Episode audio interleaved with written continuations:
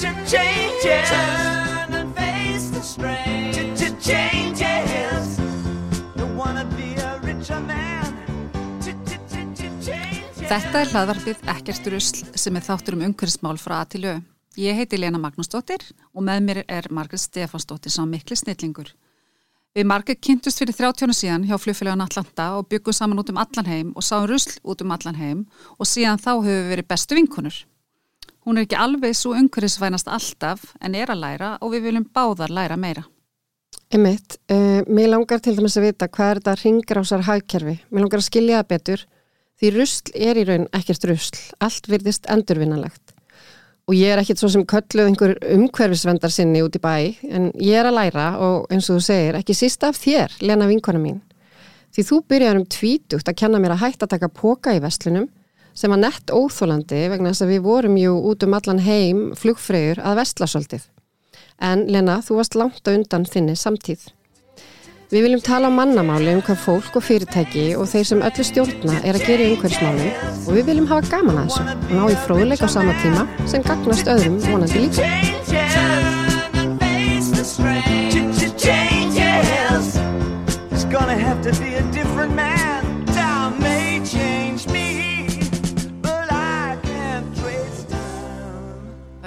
Sveggas í mig.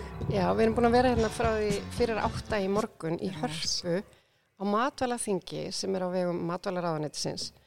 Ótrúlega skemmtileg ætla bara að segja, sko, við erum búin að þurfa að vera þetta hérna frammi og, og taka við til við frábara fyrirlesara, en mér langaði mest til að sitja inni og hlusta vegna þess að það var svo mikið fræðsla þarna og hún var gerð á svo skemmtilegan og þann hátt að maður svona fjekk innblástur.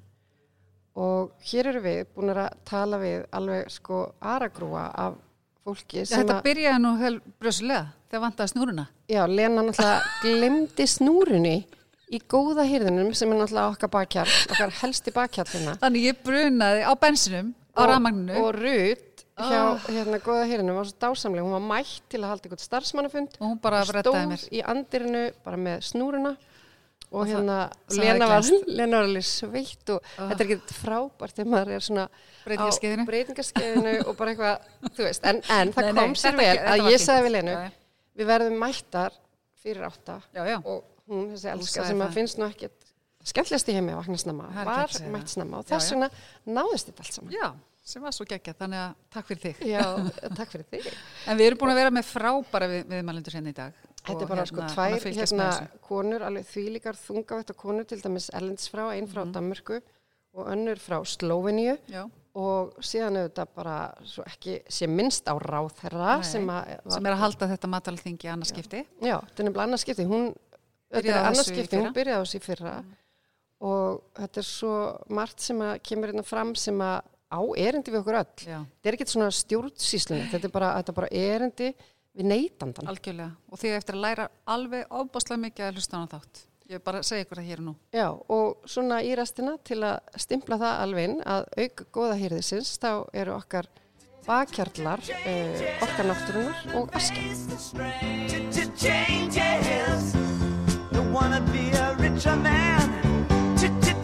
Changes.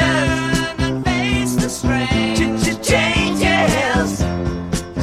Have to be a different man. Time may change me, but I can't trace time. Við erum hér svo hefnar að vera komnar með hana Svandísi Svástóttur, matvælar á þeirra sem að uh, setti hér matvælarþingi í morgun og er auðvitað svo sem að hérna, kom þessu á í fyrra þannig að þetta er í annarsinn.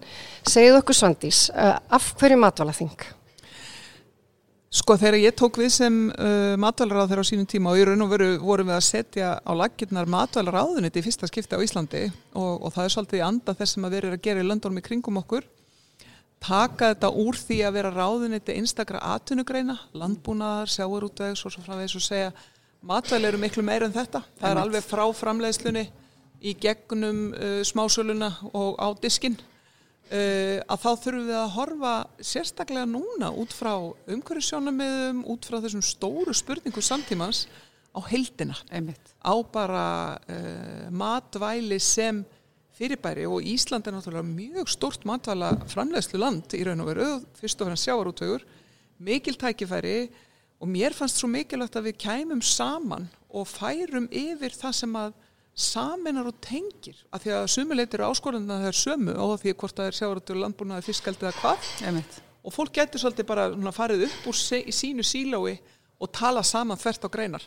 Við gerum þetta í fyrsta skipti fyrra og þá vorum við að leggja grunn að uh, matvæla stefnu sem var samþýtt í þinginu núna í vor í fyrsta skipti og þá uh, var það á dagskrá og í dag erum við með á dagskrá hringrásar hagkerfið sem að er í raun og veru þá að gæta þess að allt sem fer til spillis fari ekki til spillis, heldur fari aftur inn í hringrás uh, framleiðslunar og nýtingarinnar því að þetta er allt saman verðmæti og það er svona það sem að við erum að hugsa núna fyrst og fremst að, að breyta svolítið nálguninni á þessa heildar hugsun ekki bara vera með sína sneið í ferlinu eða í virðiskeiðinni heldur að hugsa alltaf, ok, ég partur á einhverju stærra. Þannig að það er markmiðið, já.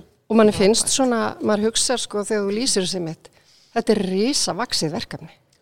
Það er það og, og sko við höfum kannski tekið eftir í núna undarförnu, sérstaklega eftir bæði uh, stríði í Úkrænu, COVID og svo framvegis að núna erum við að setja fæðuröki ofar á dagskrá. Einmitt. Við erum að byrja að tala meira um það að býtu getum við lendi í þeirri stöðu allt í hennu er ekki aðgengi að mat eða því sem þarf til að framleiða mat. Þannig að breytingin þar er að verða og sama tíma eh, erum við að horfa til þess að fæðu kerfi, ef við erum að tala um þetta í stóra samenginu, allt frá áburði og, og yfir í úrgangsvinnslu og svo framvegs, að fæðu kerfin sem slíkar og orðin bara mjög stór þáttur í losum gróðurslóftegund á heimsvísu. Og þá dögur ekki að hugsa bara um sitt land og sitt samfélag. Þetta er líka það að maður kannski að flytja inn áburð eða eins og kom fram hér í erindi á, áðan flytja inn áburð og flytja út óunnar vörur. Einmitt. Þá er maður í raun og veru sko bara með litla sneiðakerfin og þú getur kannski sagt ég fyrir mína part er ekki að losa mikið en losunin er flutt eitthvað annað skiljiði. Já. Já, bæði í afurðinni og í aðföngunum. En það er líka- að kerfin í held eru málið. En það er einmitt þessi pæling sko að matvara sem þú ert að búa til hér sé umhverfisvætni heldur en ef þú flyttur hann inn en svo er fullt af matveru sem þú ert að flytja inn sem er umhverfisvætni að flytja inn heldur að búa til hér. Já, og ég, það, þetta er svolítið það sem maður finnur líka núna að fólk er farið að hugsa meira um. Mm hvaða kólefnisspor er ég í raun og veru að losa uh, eða, eða marka uh, með því að kaupa þessa vöru frekar en einhverja aðra. Við erum með ímisk konar viðmið, við segjum já, eitthvað er lífrænt, við segjum að eitthvað er íslenskt, við segjum að við erum með svona nokkur viðmið í huganum en það sem að, uh, að neytendur eru að kalla alltaf meira og meira eftir er það ég vil bara sjá hvert kólefnissporið Já, er. þá einmitt að því að við sjáum með uh, hérna, umbúðum og öllu saman. Akkurat, við sjáum nefnilega kólefs, við sjáum kaloríuna til dæmis sem við erum að einbyrgja á umbúðunum. Það er svona spurning, hefur það ekki til að tala um einmitt að fara að merkja þetta betur og hafa bæði þá kólefnissporið og hvernig að hérna, endurvinna hlutina.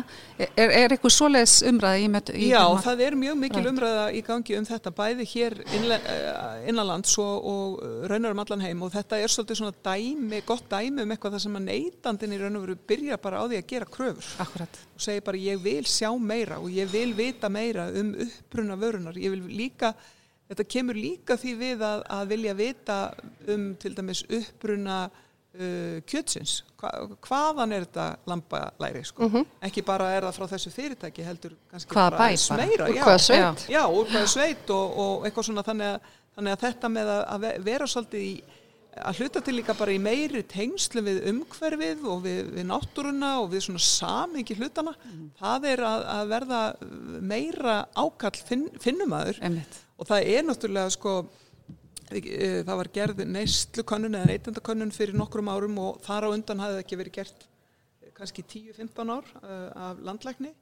Og þá í raun og veru varð er niðurstaðan svo að það er tölver breyting sem þegar er að gerast á neyslumunstri. Einmitt. Ungt fólk borðar öðruvísi heldur en eh, eldra fólk gerði og svo framvegist þannig að og við þurfum að vera svolítið á undan þessari þróun og horfa svolítið á neytendu framtíðina líka. Já, og mér finnst líka áhugavert, við vorum með hana Anne hérna frá Danmörku í viðtali. Og þau hefur þetta búin að leggja gríðarlega flotta stefnu og svona leiðbeinandi fyrir Dani. En svo spurði hann einmitt út í sko uh, budget eða, eða hérna, fjá, fjármagn sem lagt er í það að upplýsa fólk. Hún sagði, jú, við vorum ofsalega með rosa flott þegar við lánsuðum þessu eða settum þetta af stað En svo er það eftirfylgnin og peningurinn sem fæst í þá hvar við að finna hann til þess að í rauninni kommunikata á vondri íslensku. já, já, Já. og halda þessu við Já. Svo er annað sem ég finnst líka eftirbreytnivert hjá dönunum að það er það að þeir gera meira af því en við að, að sko taka ákvarðanir um það að ofinber eldhús til dæmis kaupi tiltekna vöru frekar en aðra uh, þar sem að við, sko, við erum með alls konar stefnur en við göngum ekki eins langt í. Nei, einmitt. Þetta skiptir miklu máli. Ég tók eftir því sem að þú ert að nefna þetta með sko að miðla stefnunni Mhm. og sjá til þess að hún innleiðist í raun og veru og, hún, til neytanda eða sko, akkurat, já. og Anne fekk að mitt eina svona spurningu hvernig mælið þið svo hvort þetta virkar Já. eða hvort að fólk sé í, uh, í alvörun að breyta þessu, hún sagði bara góð spurning eins og svo oft er sko.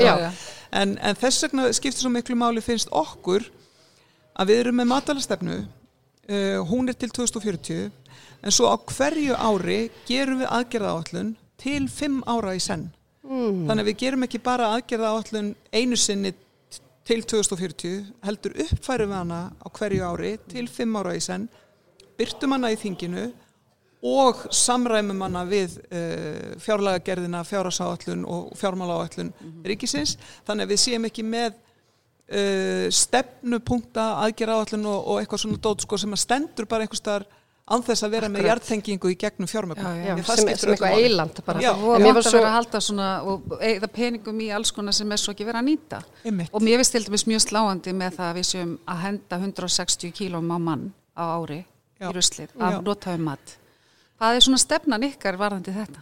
sko, v- samfélagið er með stefnu, við erum með stefnu sem var uh, samþygt og byrt minni með 2019, kannski 21 uh, hjá umhverfisraðunettinu eða af þeirra hálfu. Og þar eru tiltekin markmið um það að draga úr uh, matarsóun fyrir tiltekin tíma. Uh, og það er verið að fylgja því eftir og meðal annars með því sem að, sem að Jóhannes var að kynna fyrir okkur núna áðan það er að segja að mæla þetta meira og vera meira í samskiptum við verslanir, við veitingahús við uh, sorpið og, og sveitafjölögin og, og svo framvegis til þess að halda utan með þessu gögn og við getum borið okkur saman ekki bara við löndinni kringum okkur heldur borið okkur saman við okkur sjálf mm frá einu ári til annars. Mér fannst svona ákveðin léttir að sjá að við erum ekki Maður sá getur samt ekki alltaf að bera sig saman verst. akkurat, af því að, að við erum náttúrulega svo mik mikli neytendur neytendur. Og, og mér finnst svona almennt að við mættum gera miklu betur í því að, að hugsa um það líka bara úr innkaupum. Að, að því að ég, ég sagði það nú í, í viðtali í morgun að, núna erum við einhverjum svona kauftu uh, allt sem þið vantar mánuði eða sem þið vantar ekki eða þið vitið Já, og, og bara endilega farðu núna því að ef þú kaupir þetta ekki núna þá bara gerist eitthvað ræðilegt og Já, svona. En svo er líka og svo með nóvember sem að landvend er að reyna að búa það er mjög mikið en nær það í gegn, þú veist, maður spyr sig nær, nærða aðalega til, til þeirra sem að hugsa þannig hvað sem er. Ég var í Já, átaki, já. ég var sérst í átaki fyrir að kefti ekki nýtt 2022 og, hérna, og það gekk bara svona að mestu vel. En, hérna, En svo alveg átak. Já, það var alveg átak, Já. en svo núna er ég búin að vera pínu að vesla og það er líka leðilegt. Þannig ég er að hugsa maður að fara aftur í þetta. Já, sko, og sjáu þið líka hvernig kerfið okkar er samansett og svo, svo erum við, og við vitum þetta og þetta, það er verið að tala um þetta hérna, sko en, en um leið þá vitum við að sko, hagvöxtur er drefin áfram af því að fólk er að er kaupa málið, og líka já. óþarfa Mhm. Og, en samt er hagvöxtur eitthvað sem línan? nákvæmlega, samt er hagvöxtur eitthvað sem við segjum bara það er æskilegt, við viljum meiri hagvöxt og að því að þá er samfélagið í góðan gýr Mhm. en, En svo fara hagvöxtur- tveir gámar á dag í, gá, í hérna góða hyrðin. Já, og mér fannst alltaf tonn. finnst alltaf svolítið gott að hugsa um það sko, hagvöxtur uh, ef, þú- ef þú ert með barnabrjósti þá skapar ekki hagvöxt Einmitt. Ef En þú þurrmjólk, já. þá skapar það hagvöxt Akkurat. ef það er uh, árekstur þá skapar það hagvöxt ef það er örugumferð þá skapar það ekki sama hagvöxt Það er. Eh, ef þú hefur nammita í sófanum þá skapar það hagvöxt en ef þú ferð í fjallgöngu þá skapar það ekki hagvöxt. En ef þú fer í ræktina, þá skapar það hagvöxt. Og ef þú notar alltaf saman pókan, þá skal bara En mér langar snúa aftur að þarna, svona líðheilsu markmiðum og slíku. Því nú hlýtur sko heilbriðsraðuneyti Mhm. og matvælaráðuneyti að þurfa að tala saman í þessu. af Því þessi viðmið eiga að tala saman, ekki satt? Algjörlega og mér finnst það náttúrulega gaman að því sko að, að því að nú er þetta þriðja ráðneti sem að ég, þriði pósturinn sem ég gegnum fyrst umhverfis og svo heilbriðis og svo þessi Já. að þetta er í raun og veru svona þessi þrýhyrningur sko sem svo að er, já, sem að er sko umhverf og náttúra, uh, helsa og síðan matvæli. Einmitt. og, og hangir allt alveg rosalega saman og, og hjá saminuðu þjóðun þá heitir þetta, er þetta hugtaki One Health.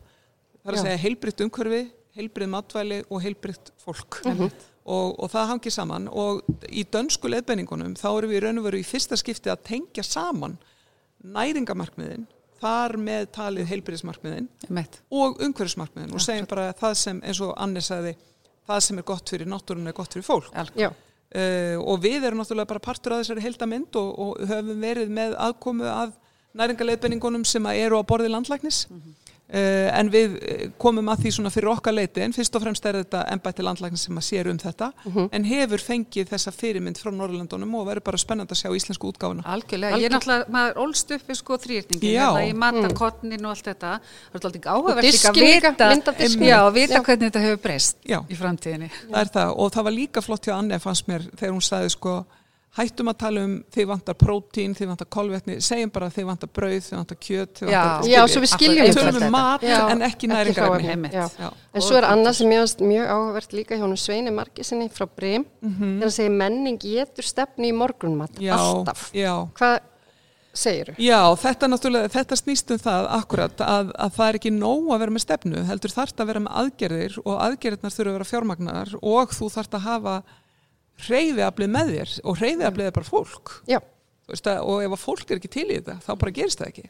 Einmitt. og stundu þá þarf- þurfa stó- stjórnvöld að setja kvata, hvort sem að það eru kvatar uh, í jákvæða átt eða til þess að gera eitthvað eða til þess að gera ekki eitthvað.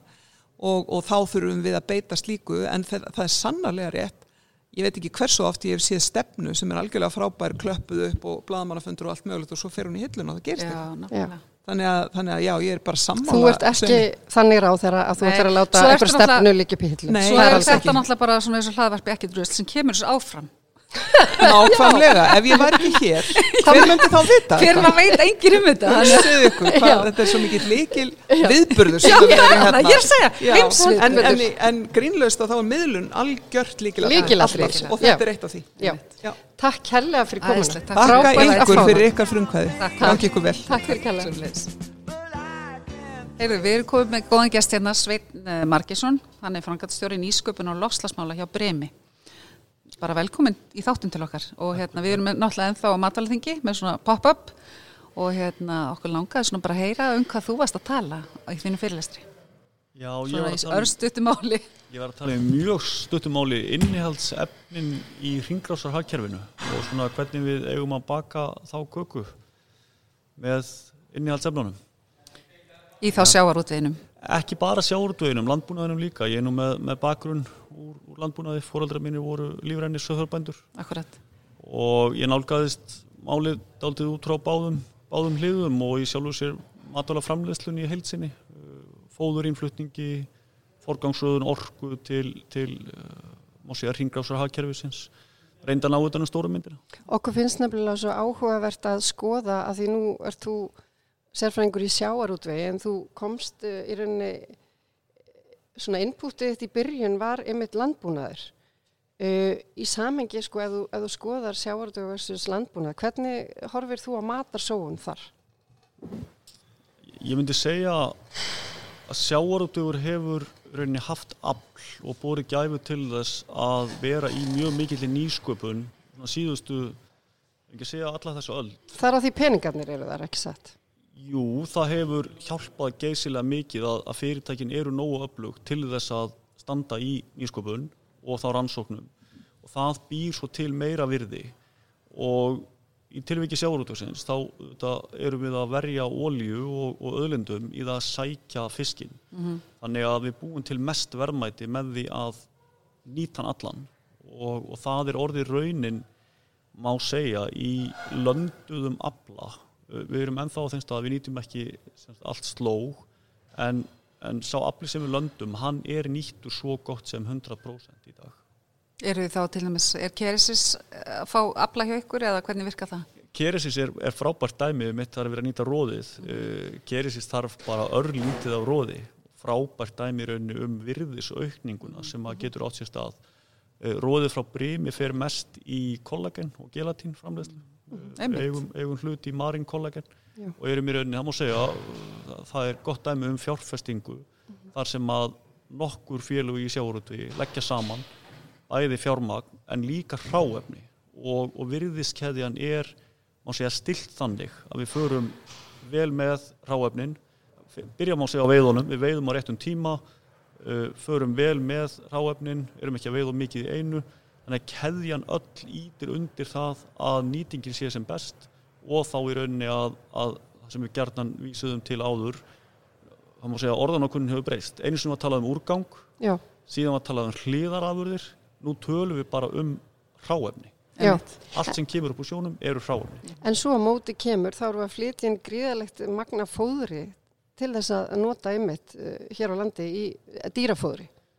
Í landbúnaði þá. Já, já, já, já, Og náttúrulega í fiskgeldið. Hérna. og í já, og það er, það er eðli málsins samkvæmt ákveðin munur á eldi bæði landýra og, og fiskaldi og svo hins vegar veiðum og, og niðurstöður rannsóknar sína til að mynda að kólefni spór sjáarafurða úr viltum veiðum er mjög lágt.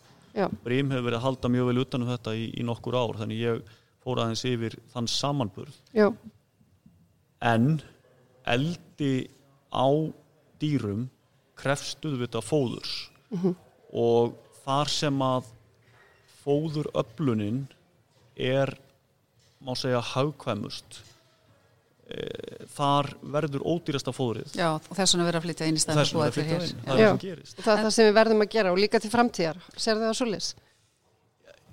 Nei, ég geri það nú ekki ef ég á að segja alveg eins og er því, að, því að fóðuröflun mjög svona eh, ágeng eh, fóðuröflun eða ræktun segjum eins og soja í, í Amazon hefur þetta valdið skóareiðingu þar.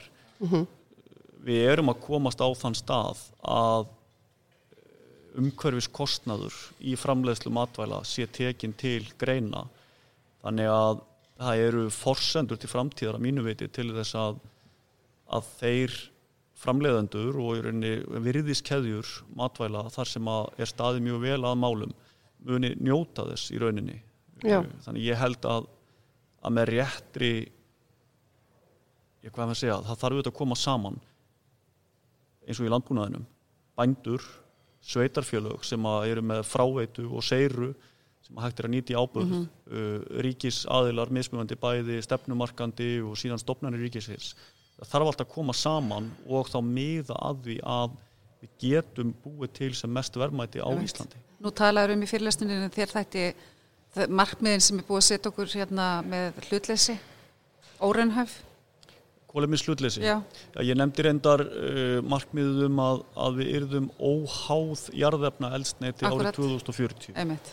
Já, ég nefndi það að ég tel það markmið í raun og veru ekki raunhæft Nei, nei. og í raun ekki þjóna tilgangi út frá lofslagsmálum. Nei, einmitt. Að það Ef að myndi, það er að leggja öllum skipunum sem eru Bara fjárfesting og annað, já. 10, 20, ég veit ekki hvað eru gömul, þú veist, þetta eru oft nýji bátar af því að þetta kemur fram Mhm. kannski eh, er ekki alveg kannski í lægi að fara að leggja þeim þegar hérna, þetta ár, 2040 Nei, það er eins og manni finnir stundum þegar það eru sett svona markmið að það sé ekki skoða til hlítar hvað þarf til til þess að þau náist. ég er alveg sammála því og, og stundum mætti vera í meira samtali uh, áður en að markmið eru sett. Já, einmitt. Þarna held ég að séu þetta bæði hægt að bæta aðkomu ríkisaðila og svo fyrirtækjana, sveitafélagunum má ekki gleyma, þar líkur skipulasvaldið.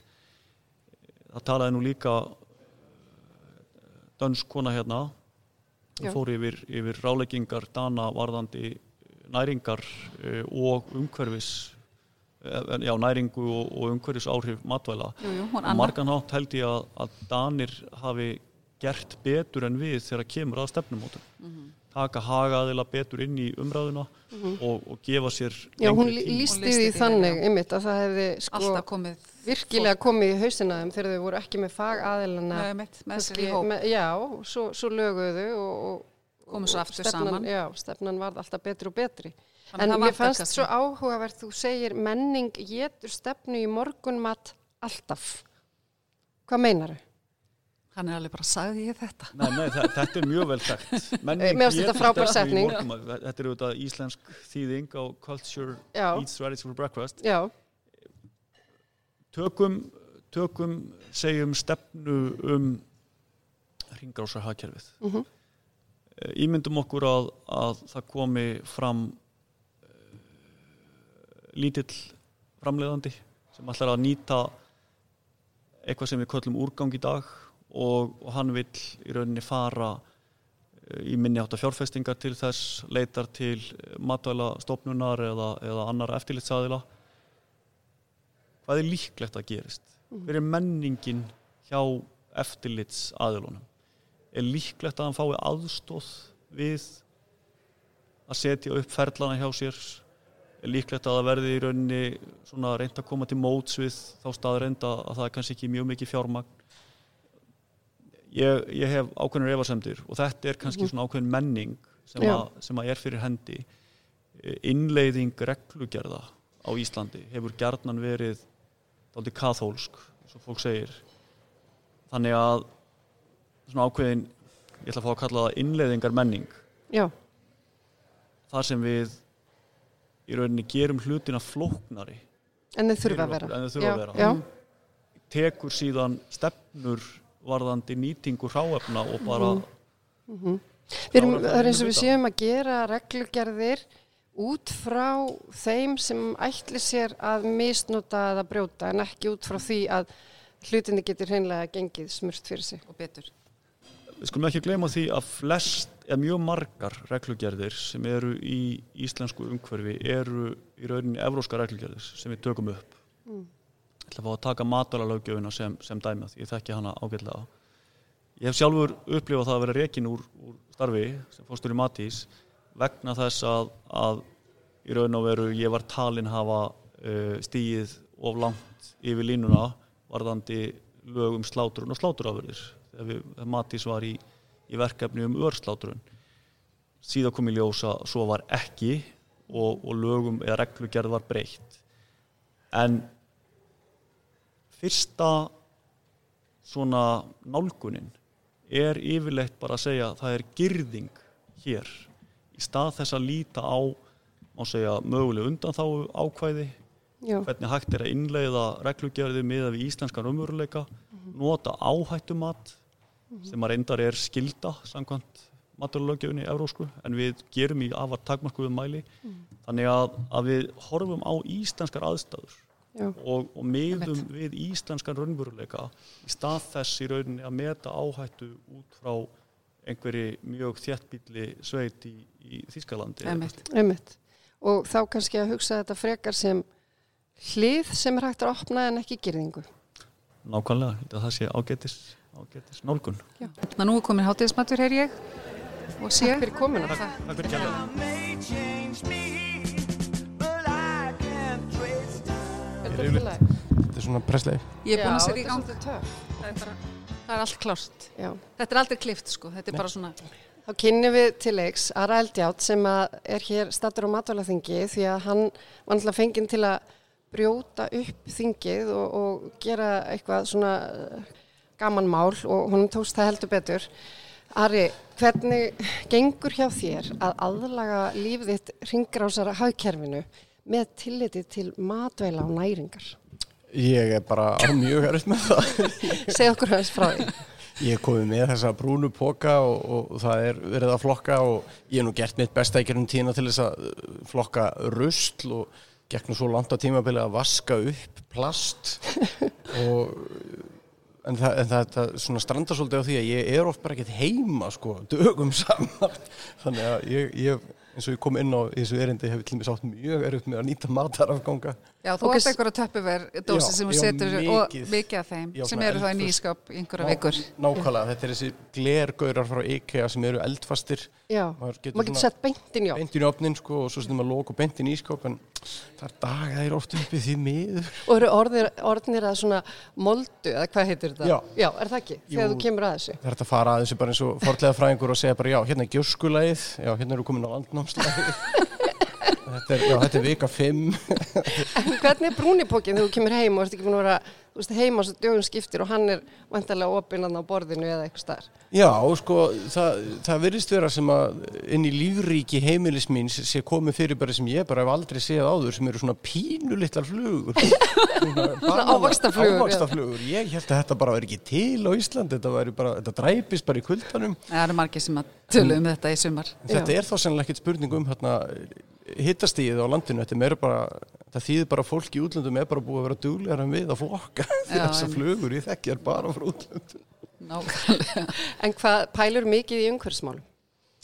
Nei, ég geri það því miður ekki og en ég er, sko ég, Ég held að við verðum að klippa hann út. já, ég held að þetta dagstælega þá hérna, ég hef tekið svona vist hreyð og vist, svona, svoleiðis tímabil, sko en eh, nei, þetta er, ég, ég er náttúrulega, ég er náttúrulega pæli að ég er bara ekki í neinu á neinni alvöru, sko, það, ef, ef mér finnst eitthvað fyndið, þá hérna pæli ég mikið í því, en auðvitað er þetta málaflokkur sem skiptir gríðalegu máli, ég bara, en þetta, maður, maður svona, ég held að þetta sé nú örgulega svolítið svona stóru málinn fyrir framtíðina, sko. Er það ekki? Heldur þú kannski, sko. varstu eitthvað að læra af þessu þingi heldur? Var eitthvað að læra af Þessu þingi? Já, ég allan að læra heilmikið um matarsóðun og, og fekk samvinskupið við brandaranum mínu samstundis. Ég horfði á þennan frábæra fyrir lesara sem var með gríðalega gott erindi. Um En þú 160 hlýtur- 160 kíló á mann á ári sem fer í sóun. Jésús minn. Er, Þú er svo með, með einhver kíló heima þér greinilega. Já, já, en á, á móti kemur reyndar að ég borða svo lítið heima á mér svona, en, en veitingúsin eða vist líka rosa miklu. Já, þannig já, að- þetta er, þetta er Já, þú, það er bara ekki hægt að vinna. lose, lose situation. En, en hérna, þú hlýtur jafnvel sko upp úr þessu öll af því nú erum við öll einhvern veginn í sömu súpunni að reyna að flokka og nota þess að brúnu póka og svona. Þetta hlýtur að vera bara smá svona efni viðrið í þitt grín. Jú, jú, það er það og þarna, maður er oft þarna, já, það var nú bara rosalega gott moment sem ég var að vitna hérna, ég voru upp í bræðuna Ormsson, eða Ormsson heitir það í dag, var að kaupa bara svona nýjar ruslatunur, ég er með svona flottar tunnur sem ég flokka í flöskur og, og mat og eitthvað fleira, man ekki hvað er eitthvað Brabanti eða eitthvað, Eitthvað rosa fínt merki. voða elegant merki. Já, og ég, ég, það var einhver maður sem kom inn og það var bara svona ský yfir hausnum og hann sagði Já, herru, ég ávist að kaupa einhverja helvítis flokkunartunnu það greinir sendur út í alveg brjálaði sko. Fyrir tíu þúsunda. Já. kaupa einhverja djöfis flokkunartunnu Og þú skrifaðir í litlu bókina, eitt gott grín hann. Já, Nú, ég var ekki svo eini sem að hlóð þarna að kærasta mín tók eftir þessu og sagði mér þetta sko. umut.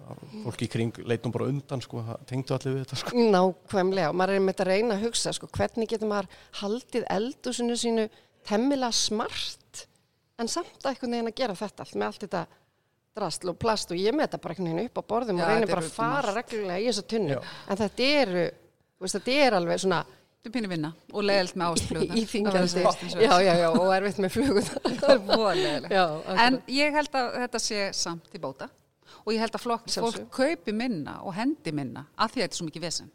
Ég líka bara, markmiðin hafa bara færst svo mikið. Ég man sko að þegar ég var lítill það stóð á öllum uh, ruslafötum, það stóð sko götur eru ekki ruslafötur. Það var slagurinn. Þá var sko markmiðið aðalega bara ekki henda rusli á götun. Einmitt. Einmitt. og, og ef maður setti ruslið í ruslatúnina, Þá var maður bara, bravo! rosalega góður við umhverfið. Sko. En svo fannst mér líka áhugavert á þann af því það var verið að tala um það að það sem er vögvi er ekki tekið inn í þessa matasóun. Eins og mjölkina. Og ég var til dæmis með remúlaði, alveg rosa stóran dalla remúlaði, þið veitir sem að maður sprautar svona gunnars eða eitthvað, í- sem var úrelt í gær. En hugsaði... var það úreld? Já, ég menna það stóð best fyrir og það var í fyrra. Er það best Það var í fyrir? fyrra, Ok. heyrðu, og ég hugsaði með mér, hvað er ég að fara að gera við þetta? Og ég bara dömpa þessu beint í ruslatununa og fór í almennt rusl.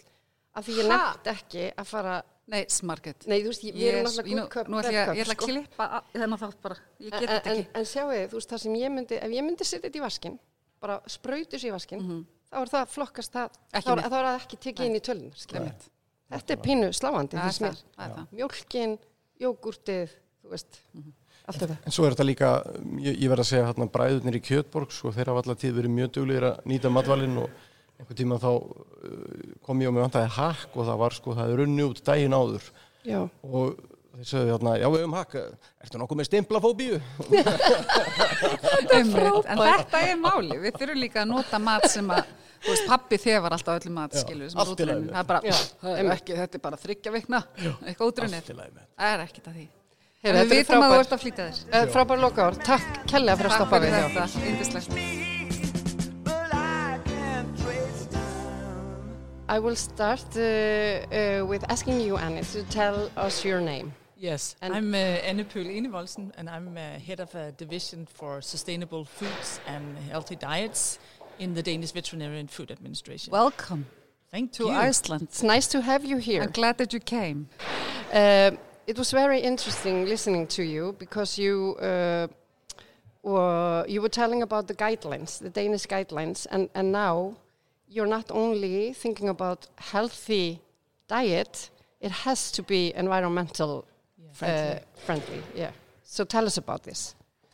Well, back in 2020, we developed these new guidelines, and we decided that they should not only focus on health but also on climate. At the moment, we also at back at that time we discussed whether it should be climate or sustainability in general. We ended up with climate because at that time we found that we had the strongest evidence regarding climate, which which is of course just a small part of the env- environmentally uh, sustainability. Okay. And and what was your greatest challenges? we had a lot, I have to say. um, it was a totally new area for us, uh, working with climate and and combining climate and health. And if you can imagine that you have a division with people that are totally into health aspects, health questions, health knowledge, health science, and then you s- you just have to add a new layer, and you have to uh, be sure that what you are developing are scientifically correct and evidence based. Um, so we had a lot of challenges, and of course, one of them was um, where does our at that time norm, our guidelines differ from what is good f- not only for you but also for the pl- for the planet.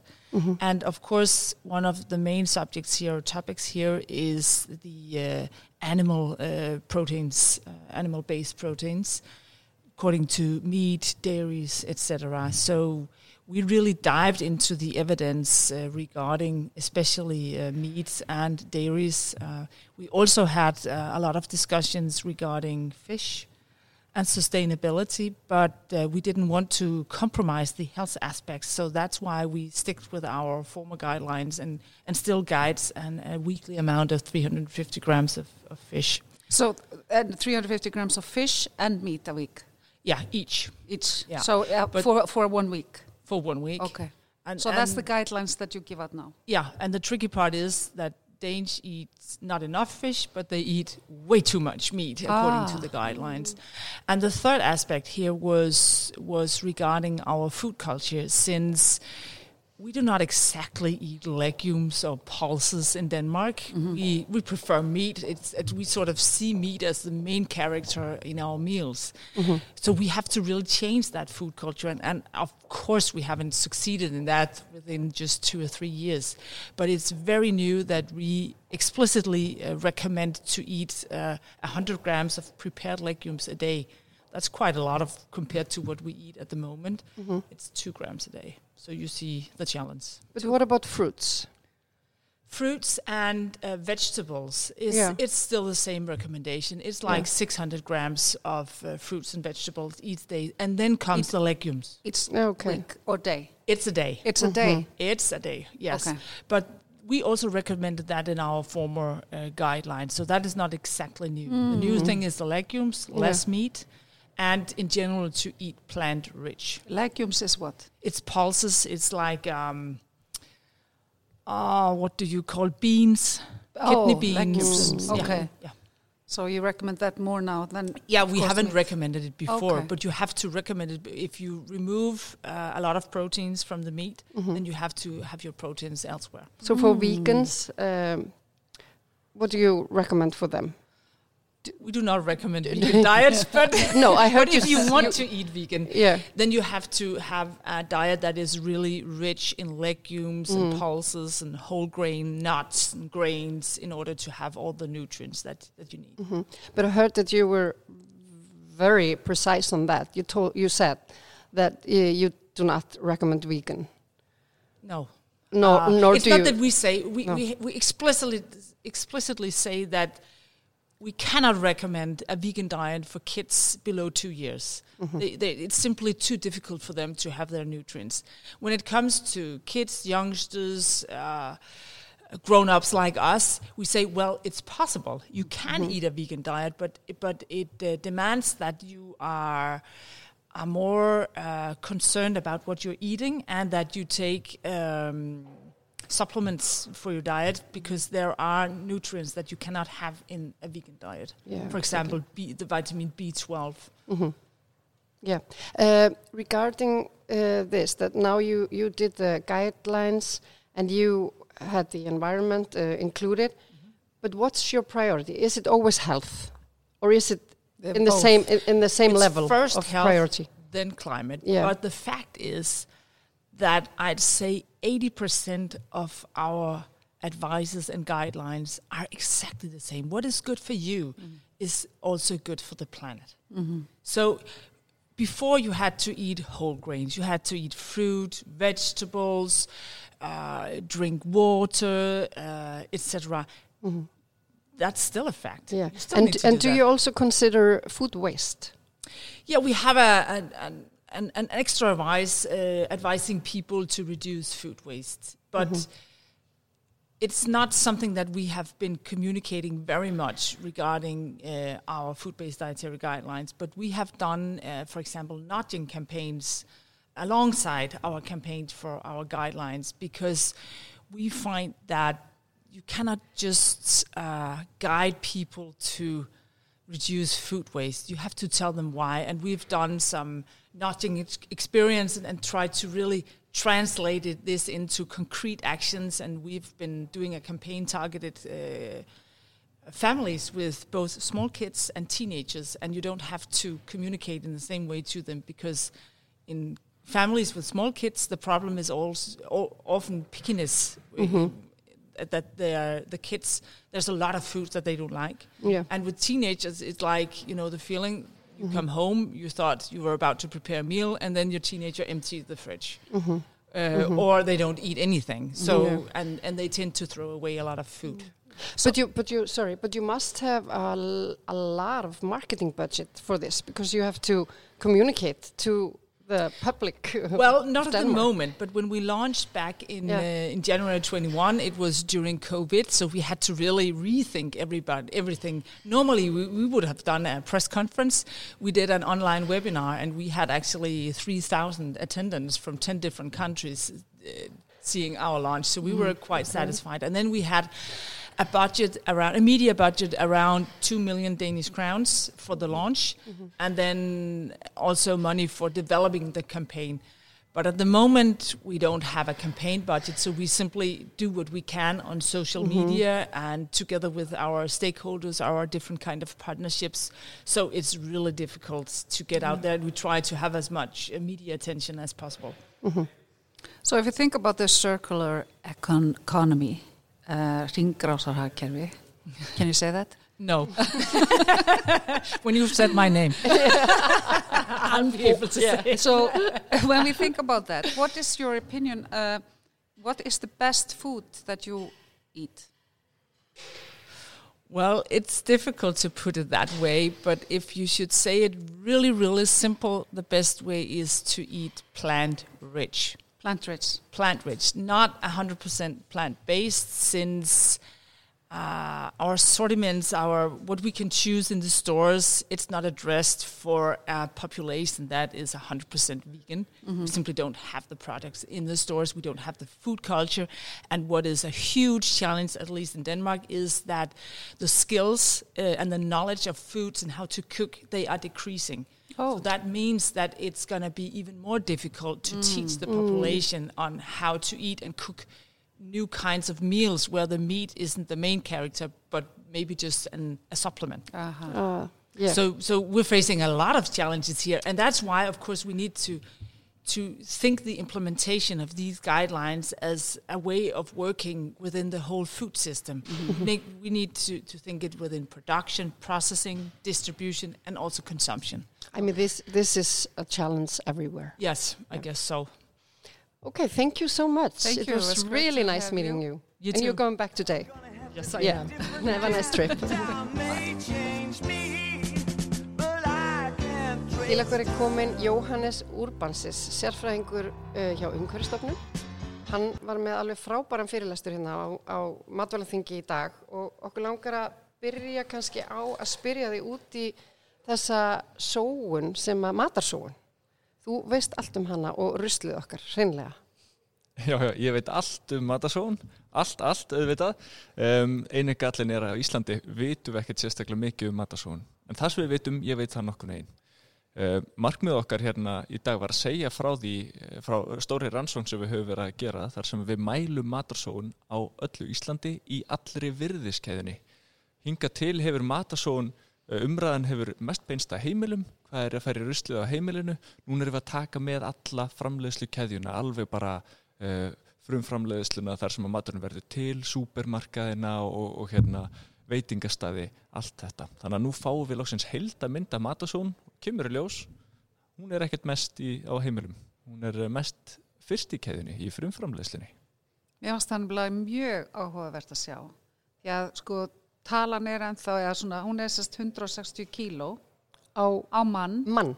Hver, hvert einasta mannsbarn á Íslandi, erum við að tala um það? Já, og líka sko Á ári. langafi minn og líka unga börn og svona, það eru 160 kíló á mann á ári sem við sóum, það er meðaltalið, Já. en það er kannski ágætt að taka það fram að þetta er bæði æturmatur og óæturmatur, þannig að við erum að tellja með ekki bara hérna appelsínuna sem miklar, heldur líka ætur- börkin sko. En þetta er samt ætu matur þegar við fáum hann og hann verður kannski óætur hjá okkur. Já, já, já, já, þetta er matur sem að var eitthvað tíma ætur. Beinin, bein í kjöti, er þetta bein líka?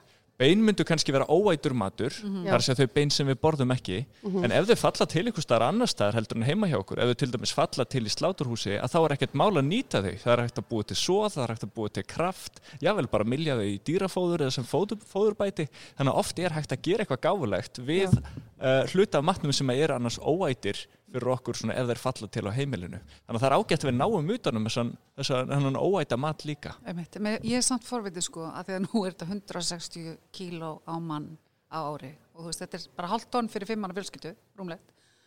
Er þetta, þú veist, hvað er mikið af þessu heimilismaturinn? Það eru 40%. Það er 40 Þannig að við sem erum, sem erum gett góði starffræði að við reiknum 40% og 160 er eitthvað svona eins og 100. Nei, ég held sem minna eitthvað 60 eitthvað já. Nei, nei, nei. Það er rosa góð starfræði. En alltaf að það, Sko, ég myndi setja alltaf, þetta er alltaf að slatti. hérna.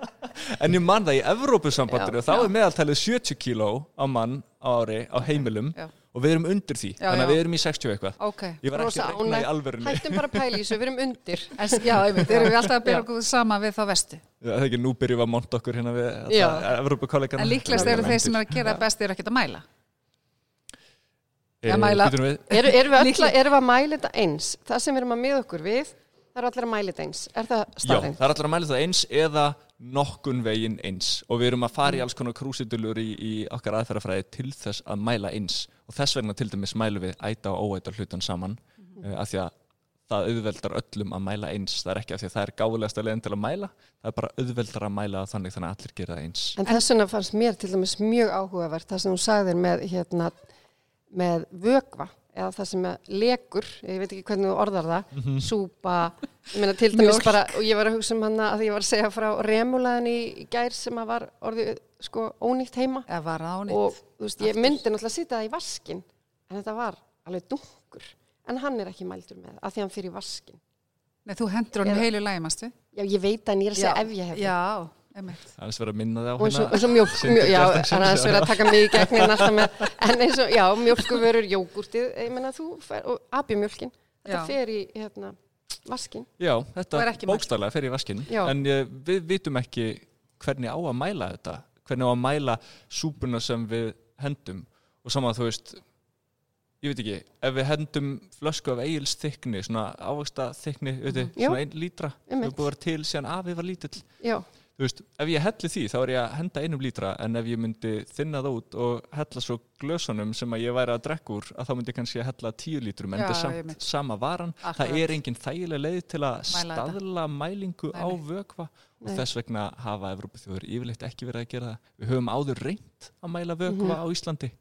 Og þá erum við náttúrulega langmest að mæla vassóun sem er kannski ekki alveg það sem við viljum ná utanum. Nei, nei, En þessi 60% þá sem eru á þessum frumstíðum þegar það er að búa til matinn, Mhm. hvað kom þér svona mest á óvart, hvar er mikil sóun? en byrju 60% á frum, er, sko, er 40% er heimilsruslið. Já. Já, þá eru Hitt er kannski 60 ekki bara Jú, frum. það er eiginlega, það munar svo litlu, það eru Er veitingastæðir, það? það eru svo lítið af því það er ekki, Já, já, já. ekki þannig að, Ég, ok, ég, segjum ég, get- ég get 50%. alveg bara sagt ykkur það, það það er 48% sem er í 40. en það er ekkert endilega auðljóst hvað er frumframleiðsla og hvað er síðan einhvers konar vinsla um, til dæmis er langmest af því sem fellur til í frumframleiðslu og það er eitthvað sem að er uh, uh, kannski innvolks úr fiski eða róð eða bein úr fiski sporðar, eitthvað svona Já, já. um, jú, jú, kannski ætt, kannski ekki en er þetta frumframleiðsla eða er fellur þetta til í vinslu sem er samt um borð í tógurum, það er engin skýrmörkun á milli hvað er frumframleiðsla og hvað er framleiðsla við skrifum þetta bara allt á Já, frumframleiðslu ég skil. Já, já. En Já. kom eitthvað, kom, var eitthvað stað, eitthvað, eitthvað sem kom þér óvart? Já, eiginlega um, það komir svolítið óvart hvað þessi svona millistig í, í keðjunni mæla slá hjá okkur og þá er ég að hugsa eins og hildsölu og matvöruverslanir, það er svo mikil umræðu matasóin í matvöruverslunum en öll sko dreifing og smásala er bara 3% af matasóuninni á Íslandi Það kom mér, það virðist- það, mér það komst, virðist- kom mér rosalega óvart líka. Þeir eru náttúrulega farin að vera miklu duglir að gefa mat eða þú setja hann í frískápana eða hérna, selja hann á afslætti eitthvað ef að- er að renna út sem er náttúrulega algjörlega til fyrirmyndar. algjörlega og það er greinilegt að matvöruverslanir hafa verið að pæla í þessu talsvert lengur heldur en margir aðrir Þeir geirar, það kom að- alveg í ljós þarna Já, þeir þurftu náttúrulega líka að gera það þegar fólk var að fara hann í gámana og fann öll eplin og tómatana og allt sem var Já. einhvern veginn og mjölk sem var ekki eins og komin á eindags eða þið vitið. og eru kannski ekki að fá sko endurgreislu á vanseldri vöru eða vöru sem er sko komin fram yfir tíma þannig að búðirna þurfa, þær hafa svo mikið kvata, Já, já, einmitt. kannski miklu meiri kvata en við föttum að við ættum að hafa sem, sagt, sem heimili upp á bara sparnað og annað. En, en ég er um þetta að velta fyrir mér nú ert þú auðvitað að horfa á okkur vera að reyna að mjalla matnum okkar, afgöngum og nýja þessa brúnu póka þetta er nú alveg bara pínu hausverkur segi ég sko. Og, hérna, og allt svona einhvern veginn upp á borðinu í eldursunni hjá manni og bara Jésús, mér finnst þetta bara daldi mál. Já. eh, á ég að hafa bara 100% trú á því að þetta sem ég er að gera og vesenast með og finnst bara svolítið mikið mál og ég vissum að, að það er einhverjum, einhverjum sem finnst það líka. Eh, á ég að hafa trú á því að þetta sé að skila því sem að ætlasti til? Já, ég held allavega með, með lífræna úrgangin sem við setjum í þessa brúnu póka og förum út í, út í tunnu og svo leka þér og kemur vondlikt eða eitthvað hérna. Flugurnar. Já, ávaxtaflugunar og þetta flugunar, allar að tala um. Lirfurutna, Var enginn með flugur í pókanum áður en Nei, nei. brúnu pókanu komu? Nei, ok, ok, bara hvað það var reynd. það var bara engin með svona póka En þetta er, þetta, er þetta er að virka frekar vel, þetta er náttúrulega engin, engin matarsónar aðgerð beinlínis. En þetta er að virka mjög vel til þess að koma samt lífræna úrgangnum í konar verðmæti þegar þetta er komið til hliðar og er komið í, í brúnapoka sem brotna niður að þá er mjög auðvelt að framlega úr þessu metan sem er eina umhverfisvotta eldsneitið okkar á Íslandi, ég veit ekki hvort menn átt að sjá því, það er svansvottað sko. Og svo er líka hægt að framlega moltu úr þessu, þannig að þá eru búin að koma þessum afgöngum í einhvers konar afurð, það er miklu erfiðar að gera það ef þeir eru í mæspokum eða blandaðir innan um annar rusl sem brotnar ekki niður. Já, Já. En samt er skemmtilegt að skildir hérna nefna það hvað þetta getur verið mikið mögð, maður býr kannski á fymtu hæða en ennir ekki niður eða pókin lekur eða veit ekki hvað og hvað. Mm Oft er talað um það að besta úrgangsforvörnin, það er að segja besta leiðin til að koma í veg fyrir að úrgangur fallir til, er að Kaupa gera erfitt að henda. Já, ég ætla að, ég Já. hef sagt að þetta. þetta sé vesen Þú veist, hefur heyrt það þegar Ég ég, hef segir heyrt þig þetta. segja þetta, já, já, ég já. segi bara að þið dróð svo mikið vesen, þá er fólk að kaupa minna að mat til þess að henda minna mat. Já. En mér langar að spyrja þig, Jóhannes, hérna, hvað er það sem er svona, hver- hverjar eru okkar stærstu áskorunir hér á landi sem að við stöndum fram fyrir í þessum málum? Ég myndi segja að stærsta áskorunin í matasóun að það er að fá framleiðendur og fyrirtæki í virðiskeiðu matvæla til þess að koma sér saman um að þau ætli að fókusvera á það að minga matasóun sem, fell, sem verður inn á heimilunum. Ég vil þótt að bara 40% af matasóun verður á heimilunum og 60% annars þar í virðiskeiðunni að þá er þetta lang verðmætasta matarsóunin er að segja að þannig erum við búin að framlega vöru og kannski vinnana og það hafa margir tímar farið að hreinsana og pakka og dreifa og notum alls konar plastumbúðir sem er, veist, það, það er alls konar í kringum þetta. Svo fer ég keiri kaupi vöruna, geiminni í skáp, eldana og hérna og skef svo hann í ruslið og þarf að fara með pappapokan út í tunnu skilur Þetta er þetta er lang, lang mesta verðmætt að tapja þarna ef við ætlum að henda vöru ykkur staðar þá er allt eins gott að gera bara strax Bara í strax? frumframleyslu eða bara eins og berin út á lingi skilur við förum ekki einu svona tína því Já. En ég við erum 60 alveg- við kíló. um tími. Hérna 60 kíló heimilinu segir það ekki? 60 kíló sem fólk er á mann. Já, rúmlega það. 60 Á Rúmlega haus 60. Já. á ári. Hafið þið sett einhverju krónu á þetta? Hvað, þú veist, hvað, hvað er að tala, þú veist, að því þarna eru fólk, fólk skilur krónur, sko. Umhverfiskostnaður. hvað kostar matur? 1000 kall kílóið, eitthvað svona Þú veist, þannig að þetta er 600, þetta getur verið 360 skall fyrir fimm manna fjölskyldu. það er slatti Sex, já, sex manna fjölskyldu. Skjáði starfræði kunnanda mína. En mér langar svo að spyrja, því mér fannst, Fyrir sex manna fjölskyldu. mér fannst hérna uh, eitt fyrirlesari sem var hérna bara á undan þér held ég, Sveit Margersson hjá hérna Brím. Hann sagði menning getur stefnu í morgunmat alltaf og nú ert þú frá umhverjastofnun. Þú veist, þetta er svona regluverk dauðans, þú veist, hann ennir þessu engin, skilur, ef hann getur sloppið við það. Hann Þú veist, það er alltaf þetta gerðingar, við vorum að tala um, sittum frekar hlið sem er hægt að opna. mm Þú veist, hvað, hvert er svar þitt við þessu, svona stopnanagauður? Veistu, mér fannst þetta geggjuð setning og ég punktaði hana niður hjá mér orðrétt líka menning getur stefnu í morgun Matís á Já. svipin og ráð þeirra þegar hann sagði þetta. Já, geggjað sko. Já, sko, ég veit ekki alveg hvernig ég á að svara þessu það mér líður eins og það sem að við gerum hjá umhverfstofnun við erum með ringrásarhækjörfið inn á okkar borði við vinnum við að vera hvetjandi. Um, ég veit ekki, ég held ég hafi bara aldrei farið í fjölmiðla og sagt neikvæða frétt skilur nei, þetta, þetta finnst mér vera það mikilvægsta að vera hvetjandi, vera góðar fyrirmyndir og að normalísera það að minga matasón. Við erum svo nýríka oft, við borðum ekki lifur að því að hún er svo ódýr eða eitthvað svona, svo frakkanir, skilur þeir borða bara lifur í morgumat, skilur, bara geggjaður matur. Þú veist, við hérna, við getum alveg erum við svona snoppuð? kannski erum við ó, óvart svolítið snoppuð stundum ég held að það sé samt ekkert endilega málið, ég held bara að menn sé ekkert endilega vanir því Nei, nei. að hugsa svona mikið um matasón en ég sé það í, í okkar viðhórskonunum að það er að breytast, það eru fleiri sem pæli matasón heldur en að horfa á skaupið. Já, já. 99,5% hugsa um þetta á sínu heimili. En vilji, myndi ekki allir segja já við það því að okkur langar svo að vera einhvern veginn svolítið svona, þú veist, töff í þessu og vera með á nótunum. Þú segi ekki allir bara, jú, ég vil hugsa um hérna umhverfsmál og, þú og matasón. Þú veist, ég myndi alltaf segja já Nei. í könnun. Jú. í könnun. Ég minn í könnun. Já, já. könnun. en þú ert líka að hugsa um matasón Já, að því þú ég verður er að spyrja í eitthvað, þessu hvað hugsaður ekki mikið um bílaparta þú verður bara, uh, lítið sem ekkert Já, já, já. En ég sá nefnitt hérna á, á einhverju línuriti að það er sérst hrossakjötið er besta kjötið af svona umhverfisvænasta kjötið. Já, Sveitin var að tala um þetta. Já. Hross eru náttúrulega kannski framleitt af öðrum ástæðum heldur en fyrir kjötið. Já, en það er menningin er þar að það Já. er allir bara, fá, fá bara svona, Getur ekki borðað hestin sinn? Nei, en þú veist, ef við værum vönd því, Já. þá væri þetta náttúrulega kannski bara besta leiðin okkar. Já, ég meina, ég skal borða hestin þeirra, skilur þú veist, þú þarft ekki endur að borða þinn eigin hest, þú Nei, nei, getur bara, bara eitthvað annars. En þetta er svona partur af menningu, já, já. þú, veist, við erum búin að vera ekki að borða hesta, sko, já, af Já, já, það er, menn verða bara að eiga það við sig, það getur verið algjörlega persónubundi, það er engin að byggja fólk um að borða hestin við, það er, það er ekki skilabóðin sem við getum tekið út úr þessu. Þetta var meira svona varandi menninguna. Já. En hérna, frábært, er eitthvað Já. svona lokun sem þú vilt koma sérstaklega að í, í podcastinu ekki drusl?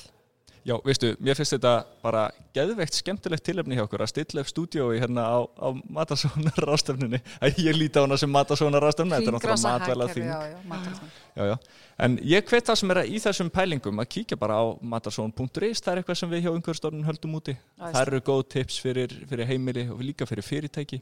Svo erum við þetta á umhverfstofnun á TikTok og, og Instagram og Facebook, við erum með alls konar miðla sem við höldum úti, þannig að það er hægt að fá insbá alls staðar.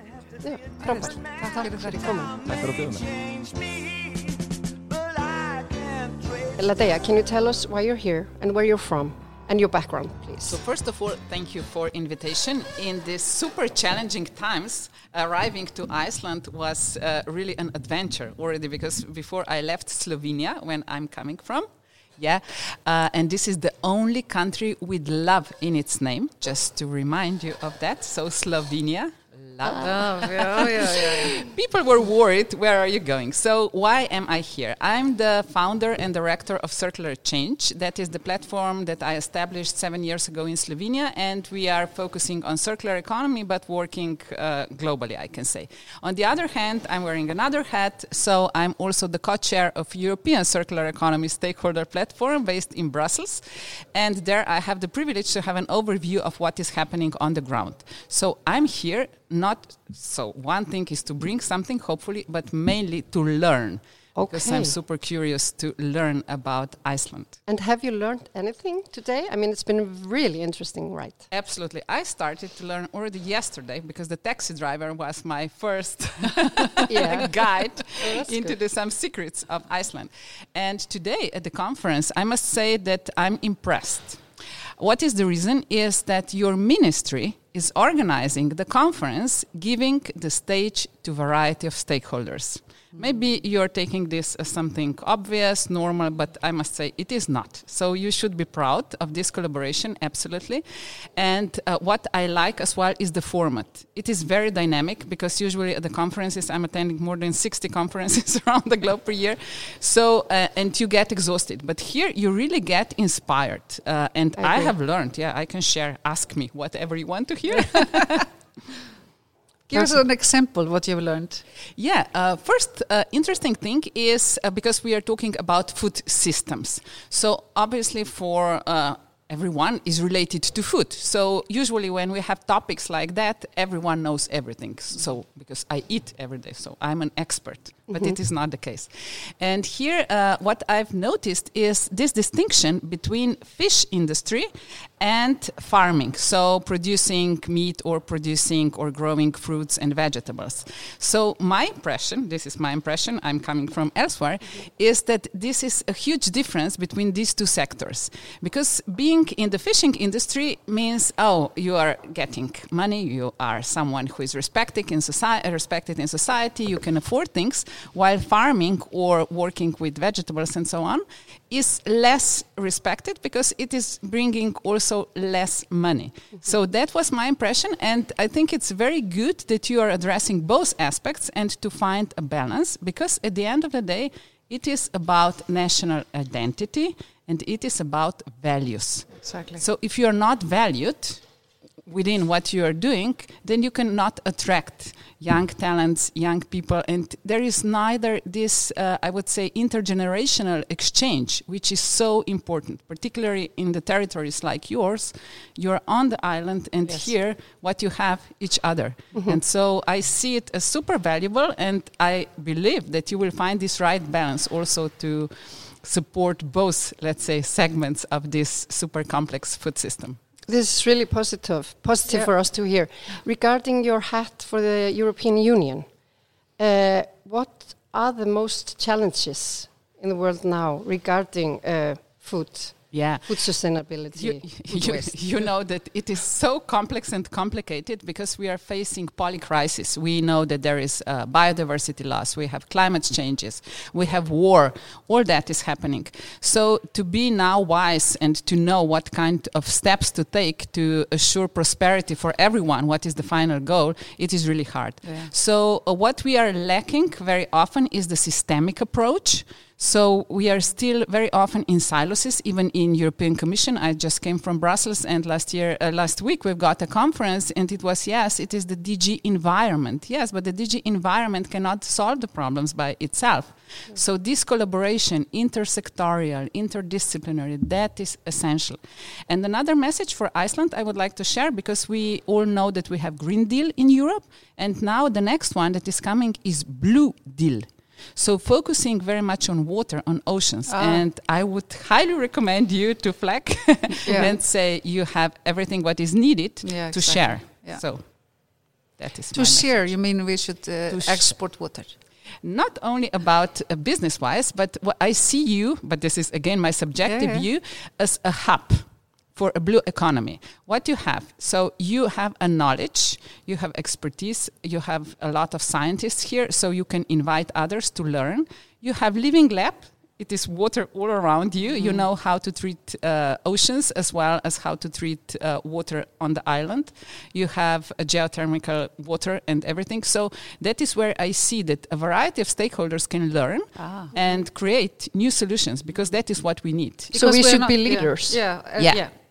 To position yourself. It is nice. Uh, I I ask already because I like uh, your humbleness in a way. You're really living in this uh, nice relationship with nature because now you do not panic. Volcano is just about to erupt, and you're so mindful in the moment, trusting the nature. That is perfect. That is what I have learned as well when I Ah, landed. yeah. But uh, on the other hand, why not to be more visible, but not uh, just from the marketing sense, as you said, but about knowledge, you know, and this uh, how to integrate and share the knowledge and co-create new solutions. Because we started with crisis.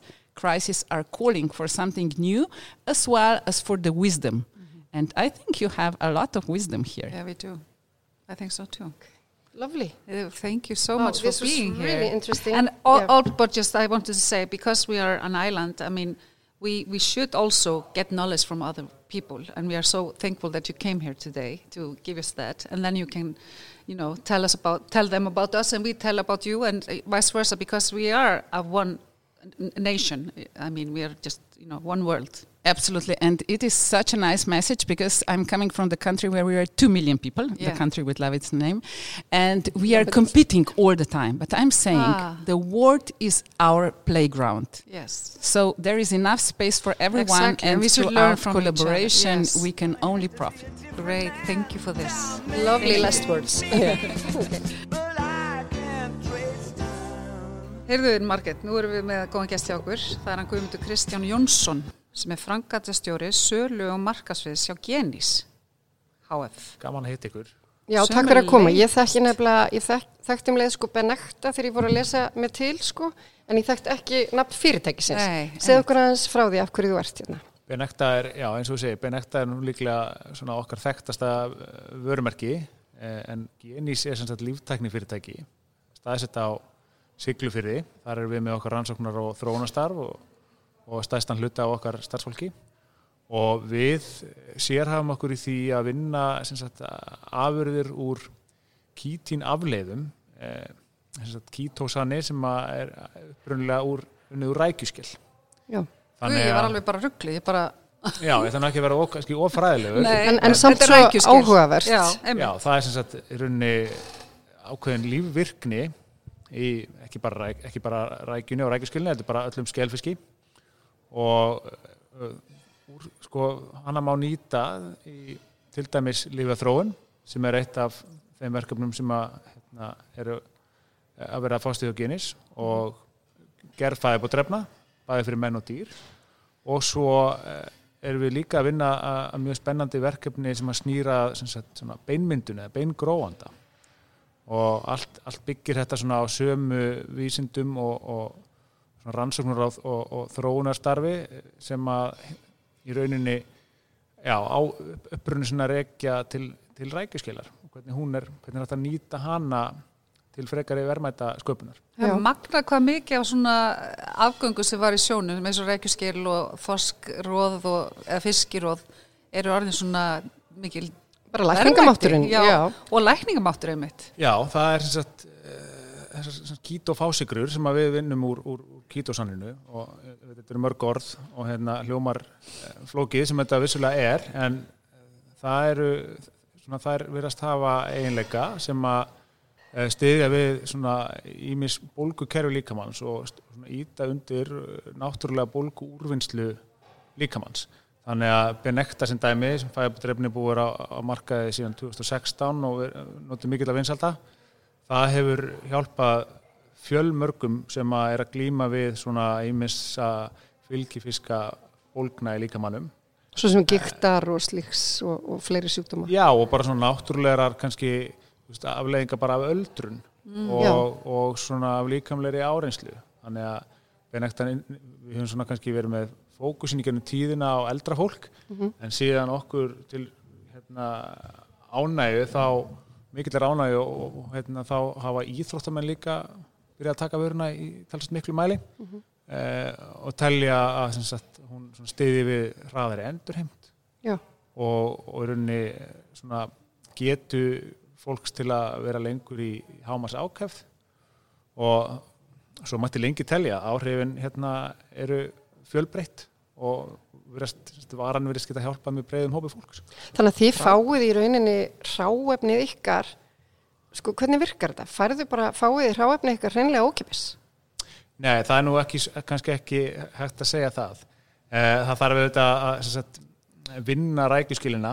Hún er, hún er unnin með ákveðnum hætti sem að felur í sér nótkunn og þróun á ensímum sem að svona díasiliterana svo er þetta þurrkað og fyrir gegnum svona ákveðin ákveðna ferla í, í vesmiðum á siglufyrði. En rækjan er samt nýtt í annað, eða þú veist, hún er... Já, þetta er rauninni bara, þarna er bara verið að nýta þessi rækju skilina sem að fellur til eh, bara í rækju vinslunni eftir, eftir að rækjan sjálf fyrir markað og hérna við kaupum okkar kítín sem er svona okkar ráefni af öðru fyrirtæki á siglufyrði sem heitir Primex og hérna það er rauninni bara, já, þetta er rauninni bara svona ákveðinu duftformi og hérna, eða svona, já, duft og svona fluguformi og svo er þetta unnið áfram í, í hérna, okkar vesmiðum.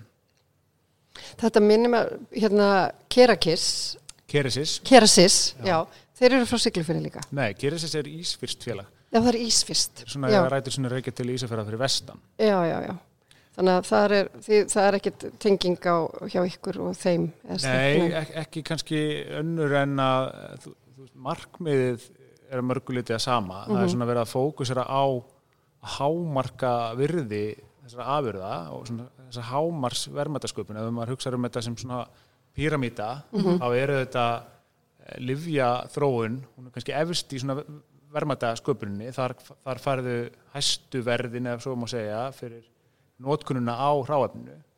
Þar hefur þetta Keresis ná einstökum árangri. Er þið Og- fyrirmynd?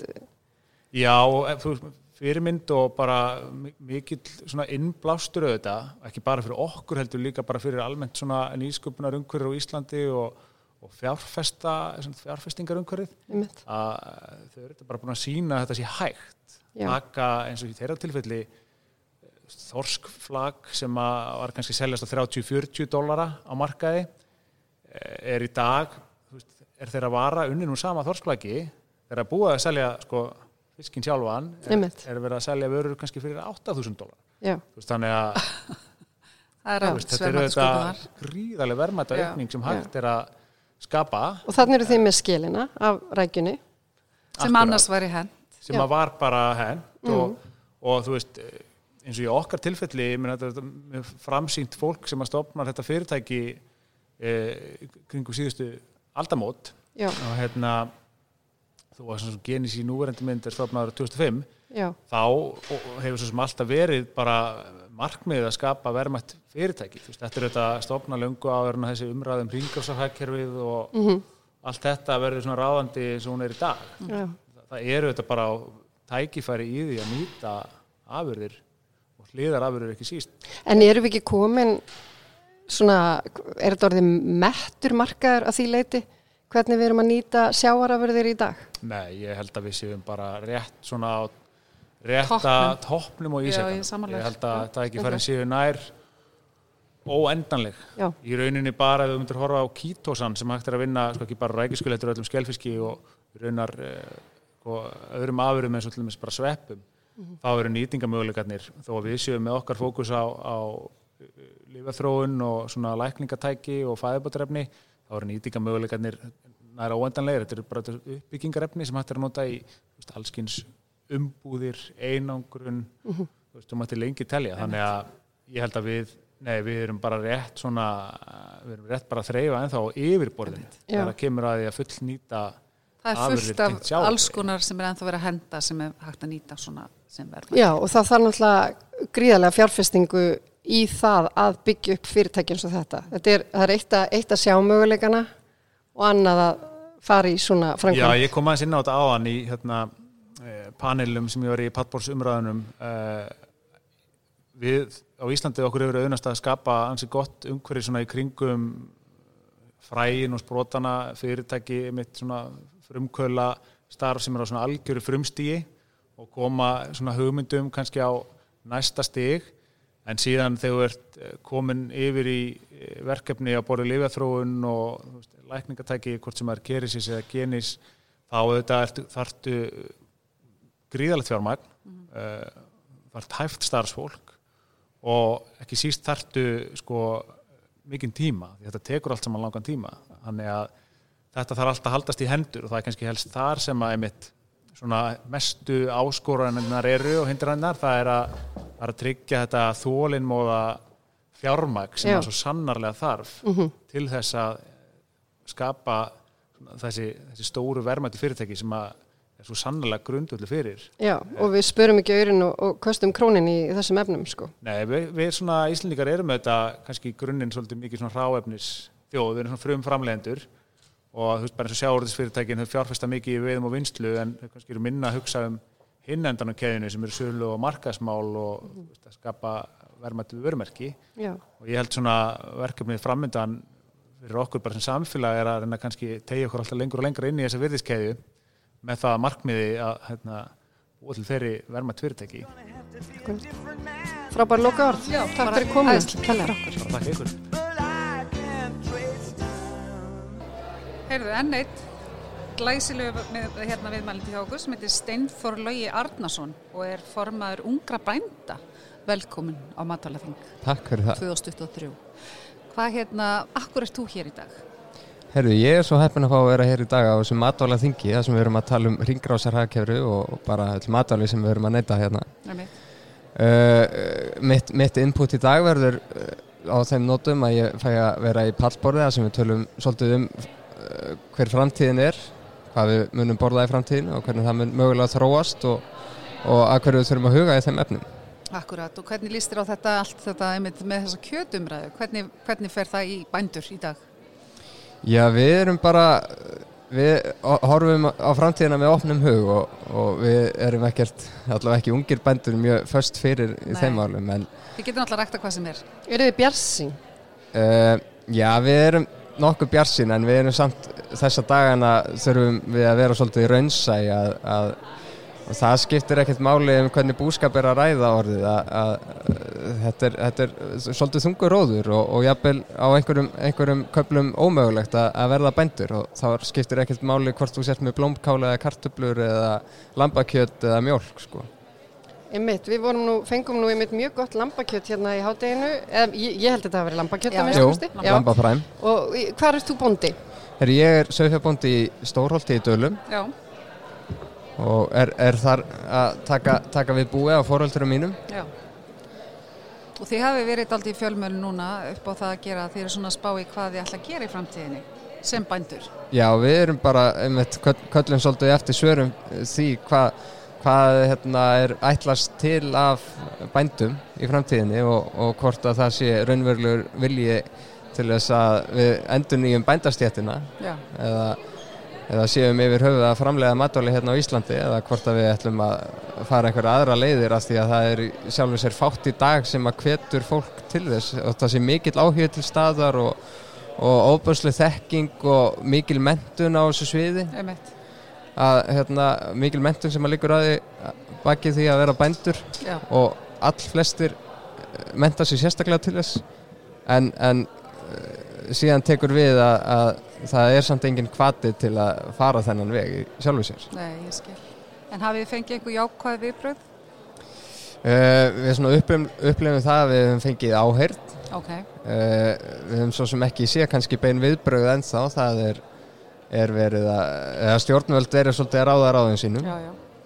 Þið eru hérna, þú ert hérna í dag til að ræða um diskin 2050 Akkurat og hvernig sérðu diskin fyrir þér 2050?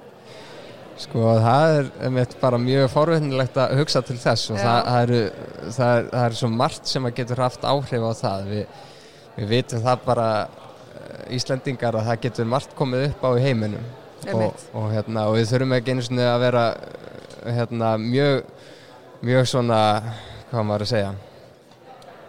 Skapandi? Með, með skapandi hugsun til að finna eitthvað sem að getur kollvarpað öllu. Nei, nei, hvort, hvort það sé sko heimstyrjaldir Eldgos. eldgós uh, bara upp, Plágur. uppskeru brestir vegna loftslagsbreytinga Akkurat. og þar erum við Ísland í líkil stöðu og það er meitt mikilvægt að við, við hérna, missum ekki sjónar af þessum tækifærum sem við höfum til framtíðar litið Hvernig eru við í leikilstöðu? Hvernig? Já, Sko við höfum mjög frjósamt land og mjög mikið af landi einmitt. Við erum ekki að nota nema brota af landinu sem að er í algjör andstæði við bara uh, flest önnur lönd uh, í Evrópu ef við tökum bara sem dæmi og, og eiginlega víðast hvar um heiminn og, og víða eru að verða vandamáli, ég meina það er að verða vasturð og það er verið að ganga, ganga á auðlindir ansi hart víða um heiminn sem að, sem að er að skapa matvælinn sem að bara þarf til að fæða heiminn og okkur fyrir fjölgandi í heiminum. Þannig að við, við á Íslandi erum í leikil stöðu með einmitt bara reyna orku en, endurlega orkugjafa og, heitt vatn og nóga vatni. Já, þannig að það verður spennandi að fylgjast með í framtíðinni. það verður það sko, því að við höfum öll tækifæri henda okkar en við verðum bara að sína það í verki að við, við ætlum okkur eitthvað Æðislega, takk fyrir þetta. sem er Já, Margrét, nú erum við komið með annan góðan gest hérna hjá okkur á Matalaþingi 2023. Það er erfitt að velja úr, þetta er svo rosalega margir frambarilegir fyrirlesarar og hérna og, fólki í pallborði. Flott fólk og það er hann Finnur Ríkard Andrason. Velkomin til okkar. Þú ert fósittir í ungra umhverfisinna. Já, Segðu mér nú aðeins frá þér. já uh, ég eins og þú segir er fórsetið ungar umhverfisina. Uh, við erum frjáls félagsamtök sem að berumst uh, í umhverfismálum í Íslandi og erum þá í rauninni að lifta rödd ungs fólks upp í þessum málum. Uh, ég verði í félagi núna í, já, tæmlega þrjú ár, byrjaði í stjórn uh, sem lofslagsfulltrúi og hefur verið svona mesturlita að einblýna á lofslagsmálin í, í minni þáttöku og er núna búin að vera að leiða félagið í halvt ár. En akkur því er á gaman. matvælæðingi? Já, matvælaþingi um, af því að uh, matvælaframlisla er gríðarlega mikilvæg í samfélaginu uh, við þurfum alltaf að borða en matvælaframlisla hefur uh, oft líka för með sér ákveðna neikvæðar, neikvæðar afleðingar fyrir lofslæðið og, og náttúruna. Þannig að okkur finnst rosalega mikilvægt að taka þátt í umræðinu um hvernig uh, matvælakerfi okkar uh, fungera í rauninni, bæði núna og, og hvernig við viljum þróa þið til framtíðar. Þannig að við erum hér bæði til að fylgjast með en líka til þess að taka þátt og, og leggja okkar uh, þekkingu og, og skoðanir fram í umræðina þú ert hérna á Pallbors umræðu um, um hvernig verður matadiskurinn 2050. Hvernig sjá, sér þú það fyrir þér að hann verði í raun? Já, það er nú mjög erfitt að spá fyrir um það en það eru svona ákveðnar vísbendingar sem við getum séð út úr þeim Er pöddur? breytingum. Já, sko, það getur vel verið að það verði meira um það Já. uh, Ég er að vona ekki að þetta er til skilvirkara leiði til þess að framleiða uh, matur heldur en, heldur en skortýr en, en við sjáum það bara breytingum undanförum árum og það er rosa mikla breytingar undanförum árum og áratugum í matavennjum fólks uh, miklu meira grænkjærafæði sem að fólk er að neyta þannig að við búumst við því að matadísku framtíðarinnar verði uh, í mun meira hlutfalli uh, grænkjærafæði frekar en dýraafurðir. Og þetta er mjög jákvæð þróun að því að við vitum bara að umhverfisáhrif hérna, dýraafurða eru mun mun meiri bæðið þegar kemur að, að hérna, losasbreytingum og uh, vistkerfum. Uh, þannig að við í rauninu fögnum þessum breytingum og, og viljum stuðla því að þessar breytingar eigi sér stað hraðar og meira uh, þannig að þetta skur verði umhverfisvetni í rauninni Akkurat. Finnst uh, þér að þið hafið áhrif? Já, ég held að við, við höfum klárlega áhrif uh, við sjáum það að okkur er búið hér í dag að, að taka þátt í pallbórsumröðum þannig að fólk vil greinilega hafa okkur með í umröðin og, og heyra hvað við höfum að segja og finnst það gaglegt að heyra hvað okkur finnst við erum, erum félag með 1500 meðlumum og, og rosa fjölbreytt þekking sem að býr í félaginu Er Uh, aldurstakmarki félagið það? Nei, reyndar ekki við Við tökum ætlum að vera því. Ert þú grænkeri sjálfur? Ég er grænkeri og það er bara því að ég vil leggja allt mitt að mörgum sem ég get til þess að draga úr mínum eigin umhverfisáhrifum og, og sömulega stuðla að kerfisbreytingum í, í matálaframlýslu þannig að þetta var skerf sem ég tók fyrir svona, já, tæpum þreymur árum Já. Það var nefnir gaman að heyra hana hérna Anna Pöll vera að tala frá dönsku matvælastofnunni varðandi þetta máli, myndi að borða meira grænt og borða það kannski minna mm af því að það er náttúrulega kannski bara minni matasón ef að það var líka farið út í það á einhverju spurningum með það feitt fólk hvernig, hvort að Það það væri tala ó- aldrei neitt um feitt Jú, fólk, Lena. það- Nei. Jú, það var verið að tala um að fólk heilsuna vegna ætti erfitt hérna, ætti ekki að borða mikið Manstu? Já, já, já, já, já, já, já, það var verið að tala um að umfram magnið, hvort það væri matasón, umfram það sem við þurfum. Já. Hvað segir um það? Já, við erum klárlega, það er klárlega mikil matasóðun í kerfinu og það var sérfræðingur frá umhverfistofnun sem fór mjög vel yfir það áðan líka um, um hvar matasóðun á sér stað í, í uh, framnæslu ferlunum og í þessari virðiskeðju. Um, þannig að skilvirkni í matvælaframnæslu er rosalega mikilvæg og ég held að það sé svona grunngildi sem við þurfum að tilengja okkur bæði þegar kemur að því að minka matasóðun en líka þegar kemur að því að hámarka er rauninni næringagildi og kalorir per hektara. Og leiðin til þess að gera það er með uh, plöntufæði frekar en dýrafæði. Já. af því að það tapar svo mikil næring og mikil orka eftir því sem við förum ofar í fæðikeðina Og kannski einmitt líka þá að vera búa til matinn það heima frekar heldur en að flytja inn.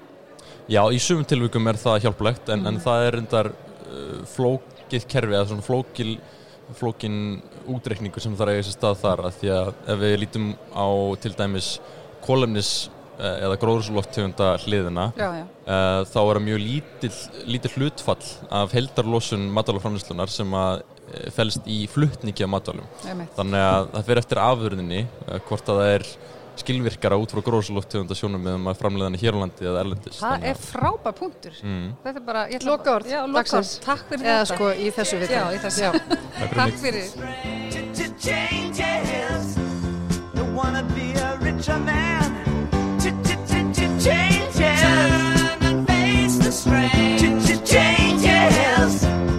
gonna have to be a different man.